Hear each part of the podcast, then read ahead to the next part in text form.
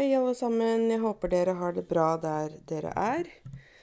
Eh, nå sitter jeg hjemme i sofaen og lager podkast til dere fordi lille Amaya sover, så da har jeg noen ledige øyeblikk.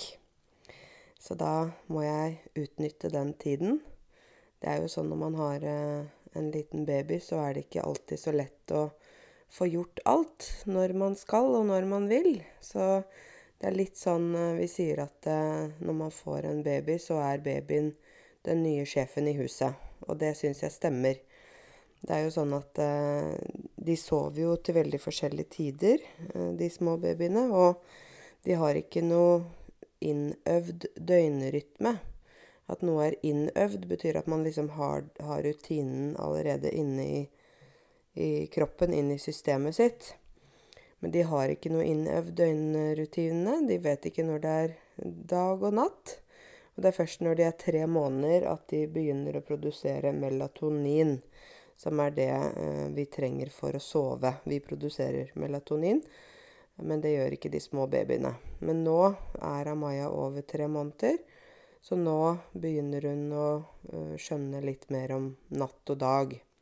Men hun er en B-baby.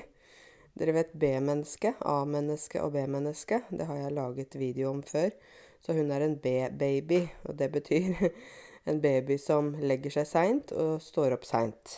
Og jeg er jo egentlig B-menneske. Jeg liker å legge meg seint og stå opp seint, men ikke så seint som henne, da. Nå er jo klokka snart tolv. Uh, men hun legger seg gjerne klokka tolv eller ett. Uh, og det gjør at hele dagen min blir litt forskjøvet. Og det betyr at jeg kommer i gang litt senere, men nå har jeg begynt å klare å stå opp kanskje halv ni eller ni, som gjør at jeg har en del tid på morgenen, formiddagen, når hun sover. Um, nå er klokka kvart på tolv, og jeg sto opp halv ni, så da har jeg hatt en del tid nå, så det er jo deilig. Um, men ellers så syns jeg det går greit. Uh, mange spør meg hvordan det går med Amaya, hvordan det er å være mamma og sånn. Og jeg må si at jeg syns det går veldig bra. Jeg har det veldig fint, og hun er en veldig god og blid jente. Hun er rolig, snill. Så lenge hun har um, mat og fått sovet og ikke er sliten og sånn, så er hun veldig grei. Hun gråter bare når det er noe spesielt hun trenger, da. Så jeg er veldig heldig sånn.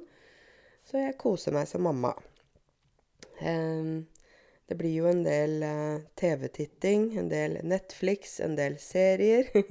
og jeg pleier jo egentlig ikke å se så mye på TV, men uh, nå når jeg er hjemme med en liten baby, så blir det jo mye av det, da.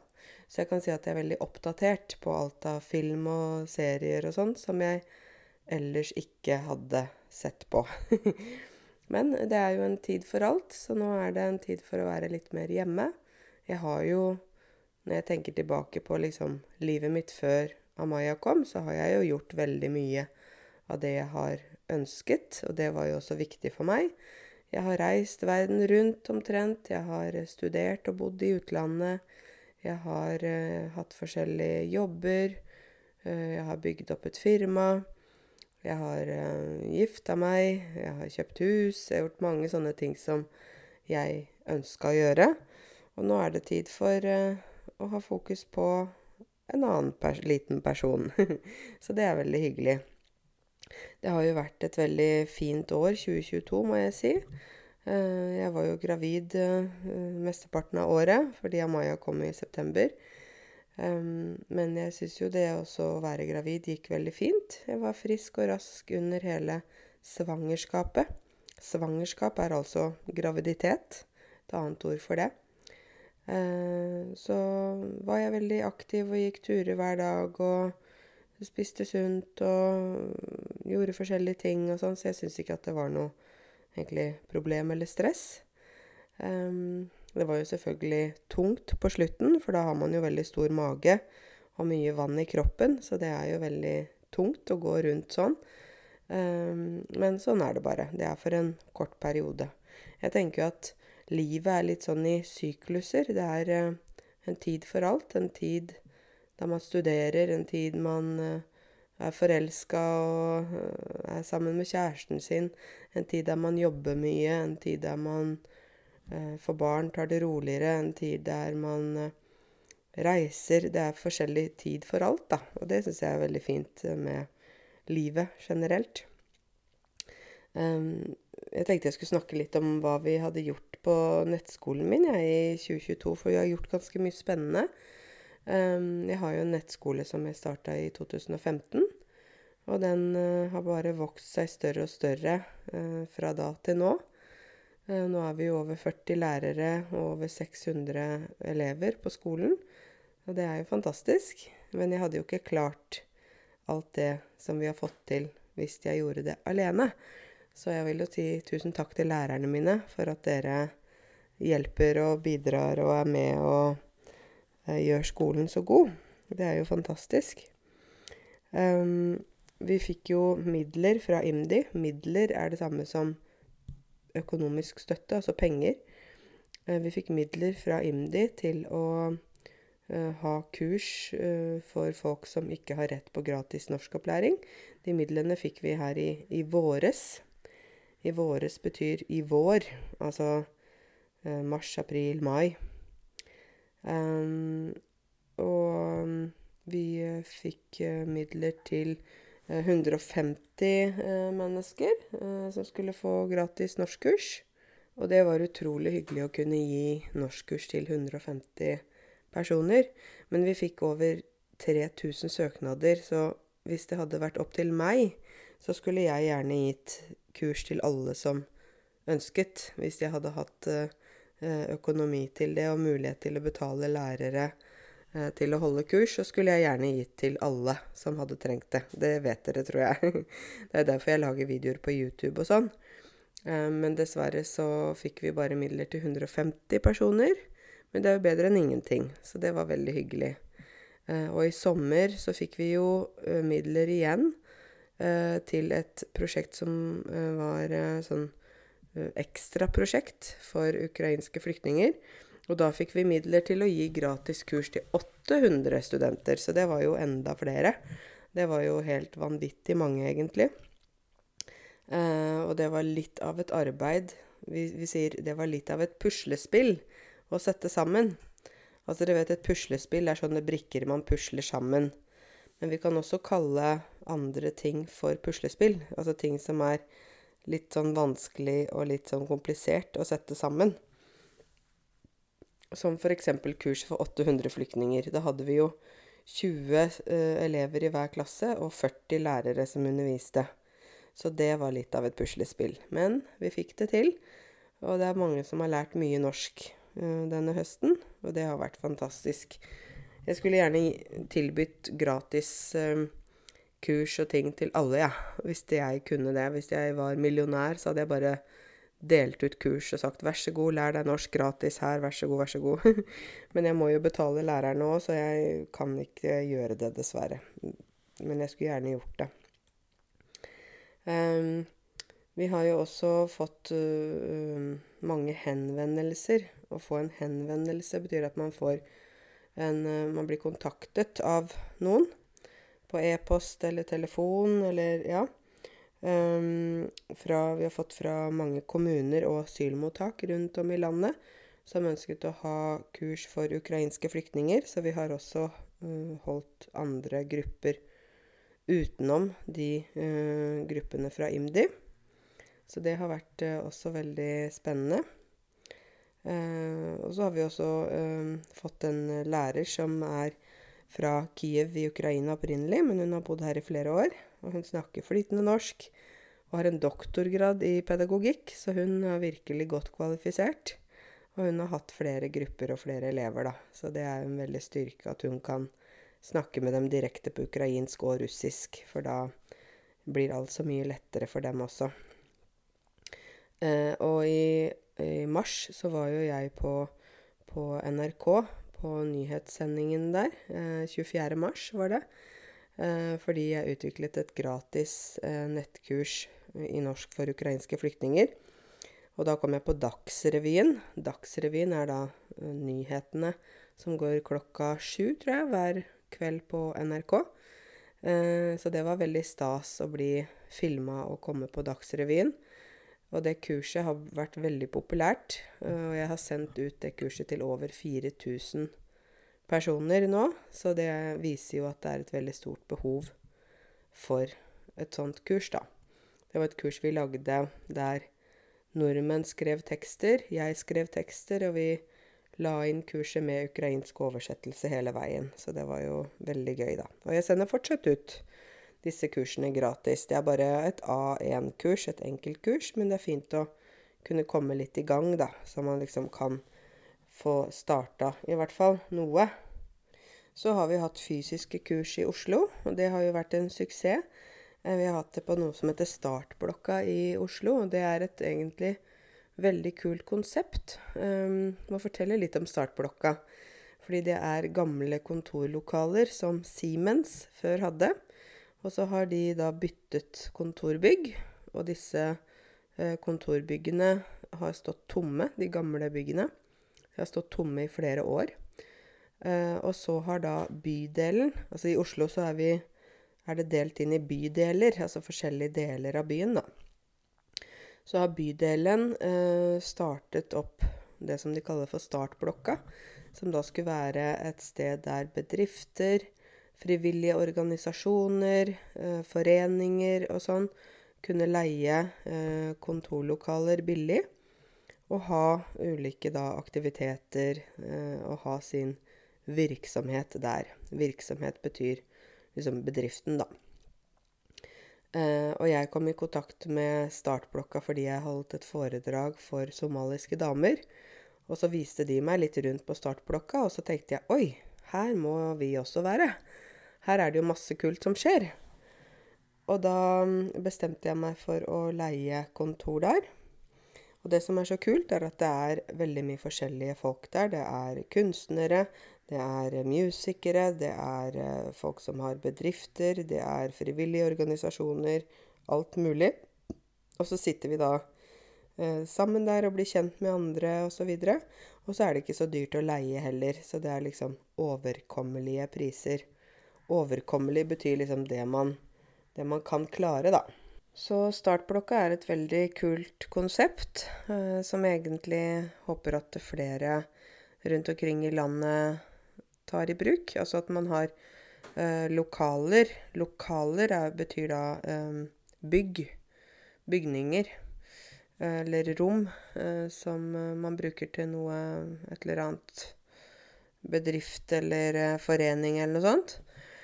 Um, og da uh, håper jeg at det er flere som gjør det samme som de har gjort på startblokka, at de tar i bruk tomme lokaler til en, et sånt formål. Formål betyr da uh, uh, hensikt eller noe som er helt sånn bestemt hva man skal bruke til noe. Da. Hva er formålet med å høre på denne podkasten? Det er kanskje å lære mer norsk. um, ja. Så uh, veldig fint å bruke nedlagte lokaler til sånn type virksomhet. Nå ble det mange vanskelige ord, hører jeg. Men det er litt sånn det bare er når jeg snakker. Um, ja, så vi har hatt fysiske kurs på startblokka, så det har vært veldig fint. Og så har vi hatt kurs ute hos bedrifter, altså der lærerne våre kommer direkte til bedriften og underviser uh, folk på jobben, da. Uh, og det er jo veldig praktisk, for da slipper man å kom, på en måte måtte dra hjem og så spise middag, så dra ut på norskkurs igjen. At man bare tar det mens man er på jobben. Og jeg tenker at flere bedrifter bør jo gjøre det samme, for det er jo ikke alle som har tid til å gå på norskkurs etter jobb. ikke sant? Man har familie, man har mye å gjøre og sånn. Da kan det være litt krevende å gå på kveldskurs, men hvis man får studert litt mens man er på jobb, i arbeidstiden, så er jo det en veldig god løsning og en god investering for både de som er på jobb, og um, ja, for læreren også er det jo også veldig praktisk. Så uh, jeg syns det er en veldig uh, fin løsning, da. Og så må jeg fortelle om høyskolen L NLA. Altså vi uh, hadde fra og med i vinter så hadde vi et samarbeid fra en høyskole, en privat høyskole, som heter NLA. Uh, og de tok kontakt med oss fordi de har um, norskfødte studenter. Norskfødt betyr at du er født i Norge. norskfødte studenter som er da født her, eh, og som har vokst opp i Norge, men som da har foreldre med en annen eh, bakgrunn, med en utenlandsk bakgrunn, der de snakker morsmålet hjemme, som jo selvfølgelig er veldig bra. Men det gjør at de ikke kanskje har blitt eh, eksponert nok for norsk. Og da har de eh, kanskje gått glipp av eller ikke lært seg eh, god nok norsk. Så når de da eh, er studenter på NLA-høgskolen og andre skoler, så skorter det på norsken. At det skorter, betyr at det ikke er helt eh, ja, 100 da. Så det skorter på norsken, og da uh, har de da uh, ja, kanskje språklige feil, grammatiske feil. Det er ting de ikke klarer å uttrykke eller forklare, selv om de er norskfødte. Så det å være født i Norge og ha foreldre fra et annet land, det er ikke en dum ting, jeg sier ikke det, men det kan gjøre det vanskelig i studier og arbeidsliv hvis man ikke har god nok kompetanse i norsk. Så det vi eh, gjorde sammen med Høgskolen NLA, var at vi tilbød språkstøttekurs for eh, norskfødte studenter, og også noen andre studenter som har tatt B2 eh, og studerer, men som fortsatt ikke er gode nok i norsk. For disse studentene, de eh, gikk eh, barnehagelærer, vanlig lærer, Uh, en del gikk noe sånn helsefag, noen gikk journalist. Der de trenger mye språk, da. Og så hadde de som var lærerstudenter og barnehagelærerstudenter, det var et langt ord, de hadde fått tilbakemelding fra praksisplassene, der de da er ute på praksis, om at de ikke hadde god nok språkkompetanse, god nok norsk, og sto i fare for å miste studieplassen fordi det skortet så veldig på norsken. Og det var jo da i jobb, i møte med foreldre, i møte med barna, så var ikke norsken god nok.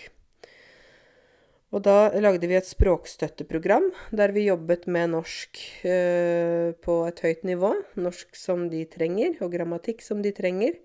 Og mange ble jo veldig begeistret. Å bli begeistret betyr at man blir veldig ivrig, glad, engasjert. Uh, ja. De ble veldig begeistret fordi de merka at de fikk heva sitt språknivå. Å heve betyr noe som går oppover. Motsatt er å senke, noe som går nedover. Så de fikk hevet sitt norsknivå og ble tryggere i norsk. Ble tryggere i kommunikasjonen på praksisplassen og alt sånn. Så de eh, opplevde å virkelig ha Eh, et bedre eh, Ja, et bedre liv. Eh, og situasjonen ble mye bedre. Praksisplassene ga tilbakemelding om at de hadde blitt mye bedre i norsk. De selv merket at de var blitt bedre. Barna merket at de var blitt bedre. Og både medstudenter, det betyr de man studerer sammen med, på samme måte sier vi medelever, de man øh, sånn på barneskole og sånn, medelever. Så medstudenter sa at de var merket forskjell, og også uh, lærerne på høyskolen. Så det var bare en vinn-vinn-situasjon for alle. Uh, så vi har hatt to sånne språkstøttekurs nå. Uh, og det er ganske fint å kunne hjelpe folk som da er i et studie og skal ut i jobb. For det er jo ikke bare egentlig å ta B2-nivå, bestå alle prøvene og så studere. Man er ikke alltid klar for å studere selv om man har tatt B2, tenker jeg. For B2-prøven er jo ikke en prøve som er direkte rettet mot studiet man skal gå. Så selv om man har B2, og så skal man da studere til å bli sykepleier, så er jo det språket man bruker som sykepleier, er jo helt annerledes enn språket man eh, møter på norskprøven, ikke sant? Så jeg tenker at eh, det er ikke sånn automatisk at eh, det betyr at hvis du har uh, bestått B2, da er du helt klar for studier. Jeg skjønner at de må sette et krav om at de må ha noe krav der ute, det forstår jeg. Men likevel så tenker jeg at det er også mye som kunne vært gjort annerledes hvis man heller hadde eh, språktester som var direkte rettet mot det studiet som man skal ta, da tenker jeg at det hadde vært mye bedre. For da hadde man blitt eh, eh forberedt på den norsken man møter i arbeidslivet, da. Eh, og også eh, på studiet. Men ja, jeg skjønner at de ikke kan ha 100 forskjellige tester heller. men da er det fint at høyskoler sånn som NLA da tilbyr språkstøttekurs. Og jeg tenker flere høyskoler og universiteter burde gjort det samme. For da eh, hindrer man at folk slutter fordi de ikke klarer, eller fordi de får beskjed om at de ikke er gode nok. Man hindrer at folk eh, føler seg dårlig fordi de ikke oppnår gode resultater osv. Så, videre. så jeg syns at det er en utrolig god løsning, da. Så det må jeg bare si at jeg anbefaler. Um, en hyggelig nyhet som, uh, som, vi har på skolen vår, som jeg må fortelle litt om, er at vi har nå lansert vårt eget B2-kurs. Et kurs som vi har laget selv. Uh, det har vi jobba med hele året. Det har vært et stort uh, arbeid å lage et B2-kurs.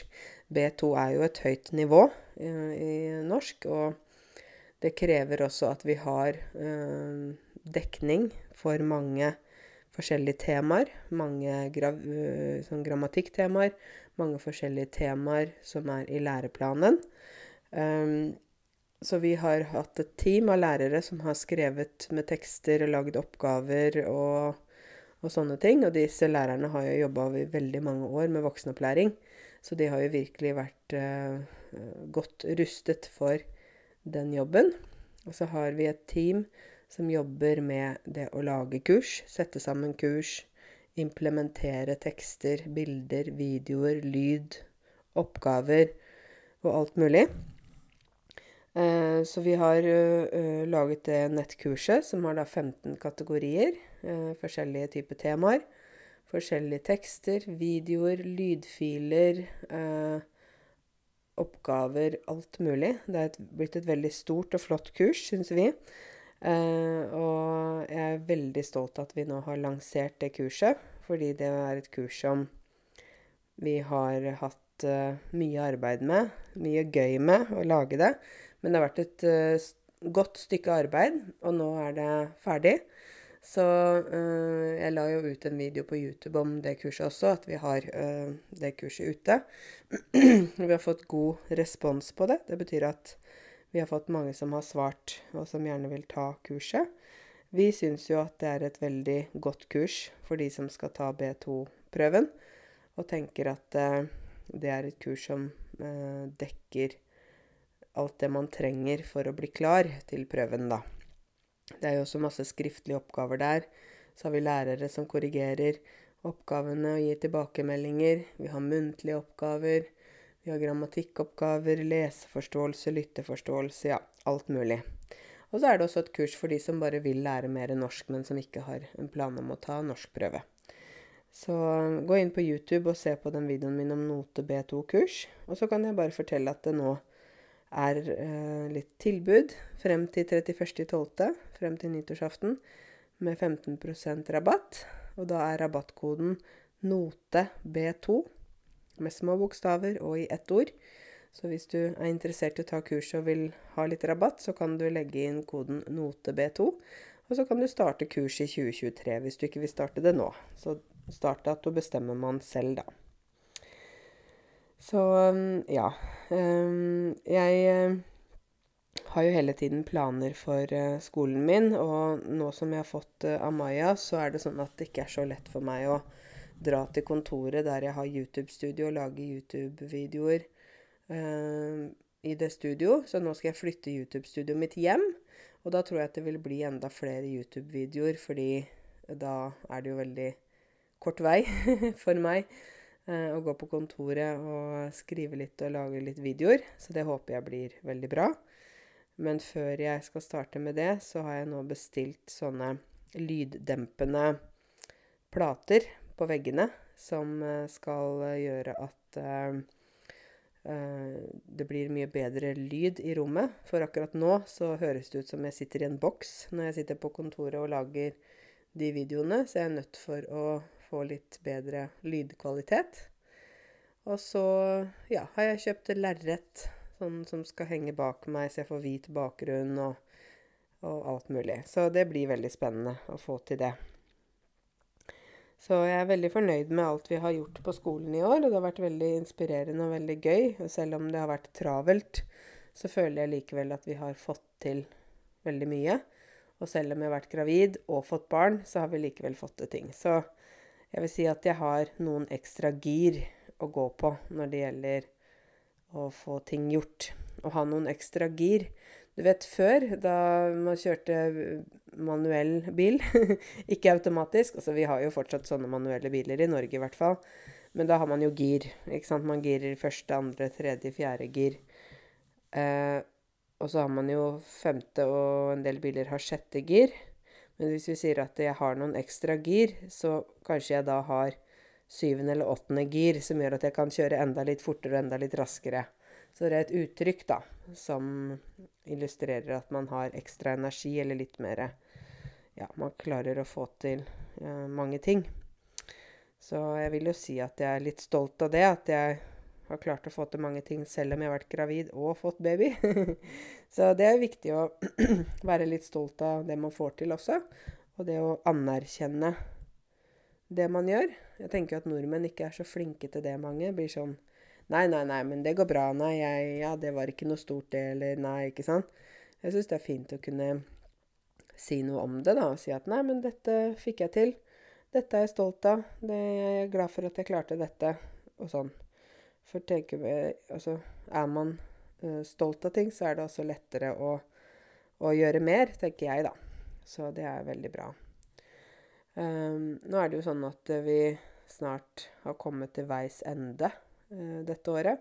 Å komme til veis ende, det er et uttrykk som betyr å komme til mål, komme frem. Eh, og i desember så er det jo eh, I hvert fall i Norge så er det veldig mange tradisjoner. Veldig mange sånne måter å gjøre ting på, hvordan ting skal være. Eh, mange har jo julekalendere eh, de, der barna åpner en luke hver dag eh, frem til 24. Uh, og jeg vet jo at en del foreldre har kjent på en del press når det gjelder å ha sånne julekalendere. Rampenissen er det mange som har. Julemus har de. Sjokoladekalender har noen. Pakkekalender. Og jeg tenker at det, det er viktig å kanskje ikke gjøre for mye sånn at det blir for mye press. At man må heller gjøre det enkelt. Gjøre det man kan klare. Uh, og jeg tenker det er jo foreldrene som skaper presset når de lager sånne kalendere og sånne type ting. Det kan jo være veldig gøy, men det kan også være slitsomt i en travel hverdag, da. Så jeg tenker det er viktig at man uh, har fokus på riktig sted. Uh, og jeg kjenner jo venner som har sånn Rampenissen, og da lager de De har sånne dukker, da, som er liksom rampenisse, som gjør forskjellige rare ting hver dag når barna står opp om morgenen. F.eks. at de har tatt blå farge i melka, så melka har blitt blå. Eller at de har eh, tatt ut eh, alt papir av dorullen på badegulvet. Eller at de har eh, ja, jeg vet ikke hva, stjålet sokkene til barnet eller gjort sånne type ting. Så det er veldig morsomt. Eh, og jeg er veldig imponert over de foreldrene som får det til. Men jeg tenker det er viktig at man ikke legger sånn press på seg selv, da. um, jeg snakka med noen uh, venner også om hvorfor norsk jul er så veldig tradisjonell. At nordmenn har veldig sånne spesielle måter for hvordan ting skal være i desember. Så tenker jeg, hvorfor er vi sånn? Uh, jeg sier vi, fordi jeg er også nordmann. Jeg er ikke så opptatt av de tradisjonene, men jeg vet at mange er det. Jeg tror det er fordi vi alltid har gjort det sånn. Og nordmenn liker tradisjoner. Nordmenn liker at ting blir gjort på en spesiell måte, for det skal bli gjort sånn, og ikke sånn. um, og sånn ser jeg ikke bare i desember, jeg ser det på mange måter. På ting vi gjør. Altså hvis vi går på skitur på hytta, så skal vi ha med oss Kvikk Lunsj som sjokolade og appelsin som frukt, ikke f.eks. pære og Snickers. Det blir helt feil. Det må være Kvikk Lunsj og appelsin. Eh, Det er liksom sånne spesielle, rigide ting, da. Og jeg tror det er fordi vi liker tradisjoner. Um, liker at ting er som det alltid har vært. Kanskje litt kjedelig å være sånn, men um, jeg tror ikke vi er de eneste som liker å ha tradisjoner. Um, 13.12. er det jo Lucia, Lucia-tog. Og da er det jo uh, sånn at skoler og barnehager har Lucia. Da spiser man lussekatter. Disse rosa, nei, rosa, gule bollene med rosin i. Um, og man synger Sankta Lucia-sangen. Det er liksom det man gjør. Så har vi ofte i desember at man går på julekonsert. Det er jo veldig populært. Og det er ofte julekonserter i kirker. Så baker man julekaker. Eh, før, i gamle dager, skulle man ha syv forskjellige slag, altså syv forskjellige typer julekaker. Men det tror jeg det er mange som har gått bort fra. Å gå bort fra noe betyr å slutte med noe. Så jeg tror mange har gått bort fra å lage syv forskjellige eh, kakeslag. Men eh, noen lager nok flere forskjellige typer kaker. Eh, pepperkaker baker man ofte med barna. Da har de pepperkakeformer, pepperkakedeig, man har eh, kjevle. Og så eh, lager man pepperkakefigurene, og etterpå så pynter man med melis og kanskje Nonstop, som er sånn som ligner på Smarties, sånn sjokolade. En del lager pepperkakehus, og det er jo både gøy og litt komplisert.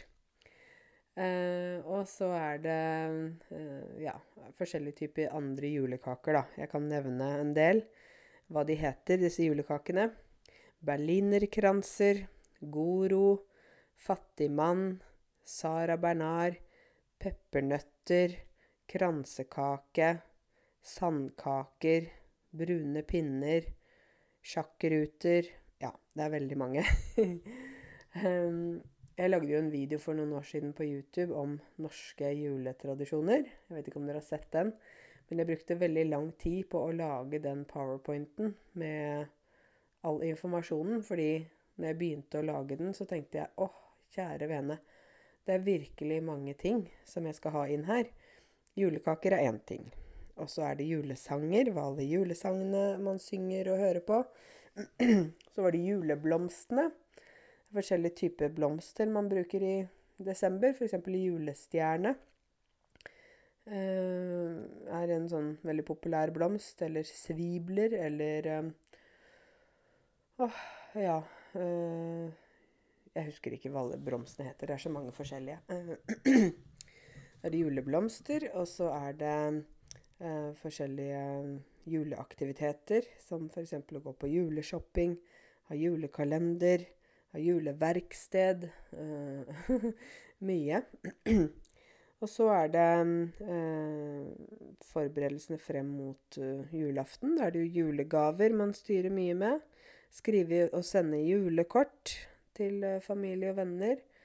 Um, og gjøre huset julerent, juleklart. Vaske skikkelig godt hjemme. Og så er det julematen, da. Og det er veldig mye forskjellig hva folk spiser.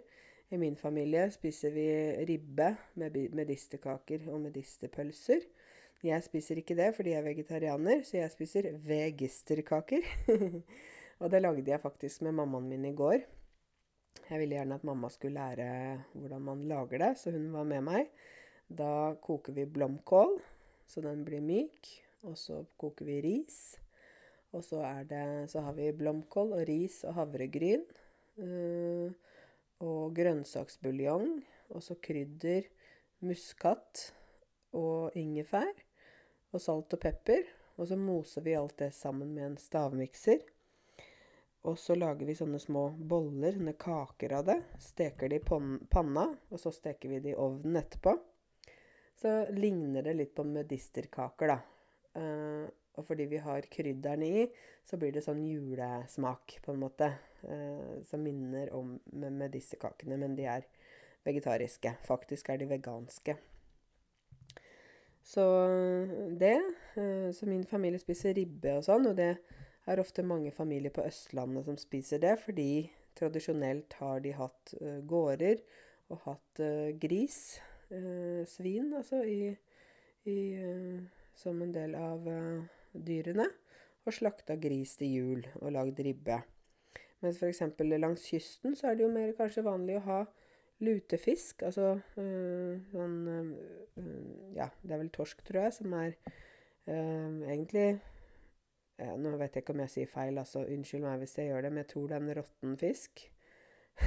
som har ligget veldig lenge i en sånn type lake, sånn, som har gjort at den har blitt, fått en spesiell smak. Um, noen har uh, også uh, rak, rakfisk, eller rakelaks. Um, og noen har kalkun, vet jeg. Noen uh, spiser uh, pinnekjøtt, som er da sauekjøtt. Det er også vanlig på Vestlandet. Men jeg har sett at det er flere og flere som spiser det her i området på Østlandet også. Ja, så det er veldig sånn uh, spesifikt med den julematen, og den er veldig tradisjonell. Så min søster f.eks. spiser ribbe, og hun vil ikke spise pinnekjøtt eller lutefisk til jul. Det er helt uaktuelt. Hun må ha ribbe. Det må være bare ribbe. Så, sånn er veldig mange nordmenn. Og de som spiser pinnekjøtt, skal ikke spise ribbe, fordi det blir helt feil for dem. Så de må spise det de alltid pleier å spise. Så der er vi nok veldig tradisjonelle. Og så er det drikke. Da er det jo julebrus. Og der er det ofte litt sånn konkurranse mellom de forskjellige bryggeriene. Og hva slags brus de, som er den beste julebrusen. Jeg synes at den beste julebrusen er den røde julebrusen fra Ås bryggeri i Drammen. Men det handler jo også om at jeg kommer fra tidligere, nå som nå igjen blir Buskerud. Og Ås bryggeri er liksom bryggeriet i Drammen. Mens andre sier nei, jeg vil absolutt ha øh, Jeg vil ha øh, bare ha øh, brun julebrus. Og da skal det liksom være det, ikke sant? Så det er veldig mye forskjellig, da. Så er det jo også akevitt, som en del drikker til julaften. Og det er jo Jeg er ikke noe glad i akevitt. Jeg syns det er veldig sånn sterkt og, og, vondt. Nå drikker jo ikke jeg alkohol heller. Jeg har faktisk ikke drukket alkohol på fire år. Så, men, men, de som er opptatt av akevitt, de er veldig sånn spesifikke på det. Eh, og da skal det være på en spesiell måte og ja, spesiell smak. Jeg syns det er helt forferdelig vondt, men eh, ja. Og så er det juleøl. Det skal være juleøl. Og en del drikker gløgg, som er en sånn krydderdrikk. Som um, mange drikker uten alkohol. Um, og har oppi nøtter og rosiner. Men en del drikker også med alkohol, med rødvin eller når man har hvit gløgg, så har man hvitvin oppi. Så det er både mat og drikke som er veldig sånn spesifikt. Og så er det julaften. Da uh, står vi ofte opp på morgenen og ser på NRK, for da er det veldig mye forskjellige tradisjonelle ting man ser på. Jo, jeg glemte å si på lille julaften i dag. Uh, så skal det være det som heter 'Grevinnen og hovmesteren', som er en sånn derre uh, svart-hvitt film som har gått i veldig mange år. Så den må du se på på NRK hvis du har mulighet. det er sånn standard. Og så på lørdag så er det 'Reisen til julestjernen', så er det Disney-klassikere, så er det 'Tre nøtter til Askepott'. Dette her pleier vi bare å ha på TV-en, så TV-en bare surrer og går i bakgrunnen. Og så uh, er det um, Så pleier vi da å dra Hvis vi ikke skal være hjemme, så drar vi til de vi skal være hos.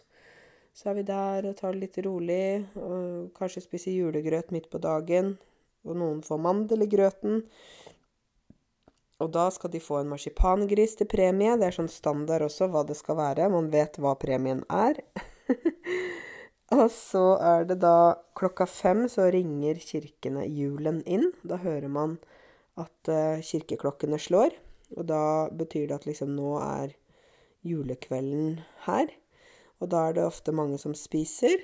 Uh, en del går jo også i kirka på julaften, så da spiser de etter de har vært i kirka.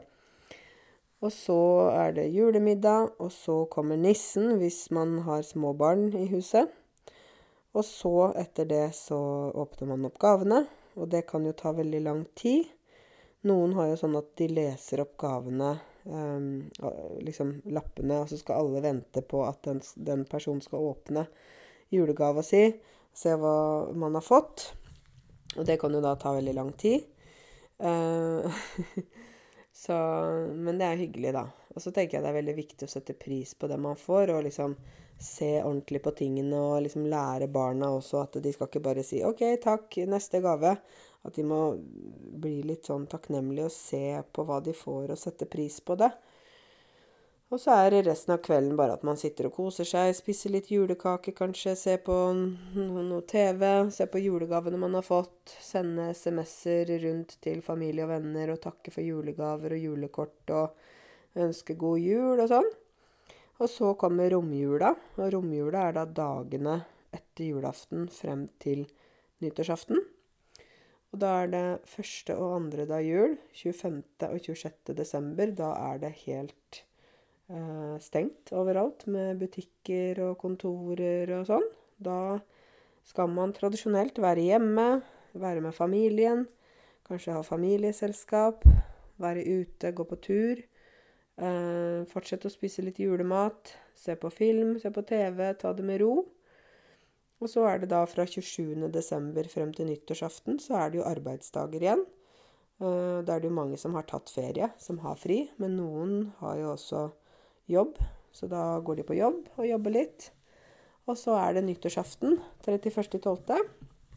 Da, uh, hvis man jobber da, så er det ofte halv dag frem til kanskje klokka tolv.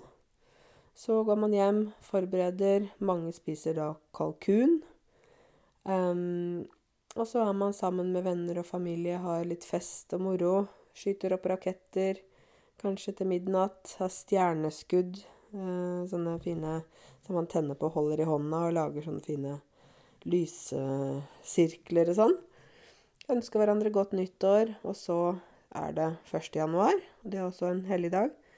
Eh, og da har man eh, Da er det veldig rolig hjemme. Da tar man ofte med ro, går på en tur spiser litt mat, det er litt sammen. Det er litt sånn. Sånn er den norske jula. Eh, det er jo litt forskjellig fra familie til familie, men jeg vil si det er ganske likt rundt omkring. Så det er veldig hyggelig. Veldig fint. Så jeg gleder meg til jula nå. Det er julaften i morgen. Så da skal vi til min mamma og kose oss der. Og søstera mi kommer, og lille niesa mi på tre år kommer. Og, så da, da blir det veldig hyggelig. Så jeg håper at dere alle sammen eh, får en fin julefeiring der dere er, og at dere tar det med ro og, og spise god mat er sammen med folk dere er glad i, og se på litt gode filmer på TV og, og sånne type ting. Eh, så ønsker jeg dere en riktig god jul, alle sammen. God feiring og god jul, og takk for at dere lytta til podkasten min. Ha det godt.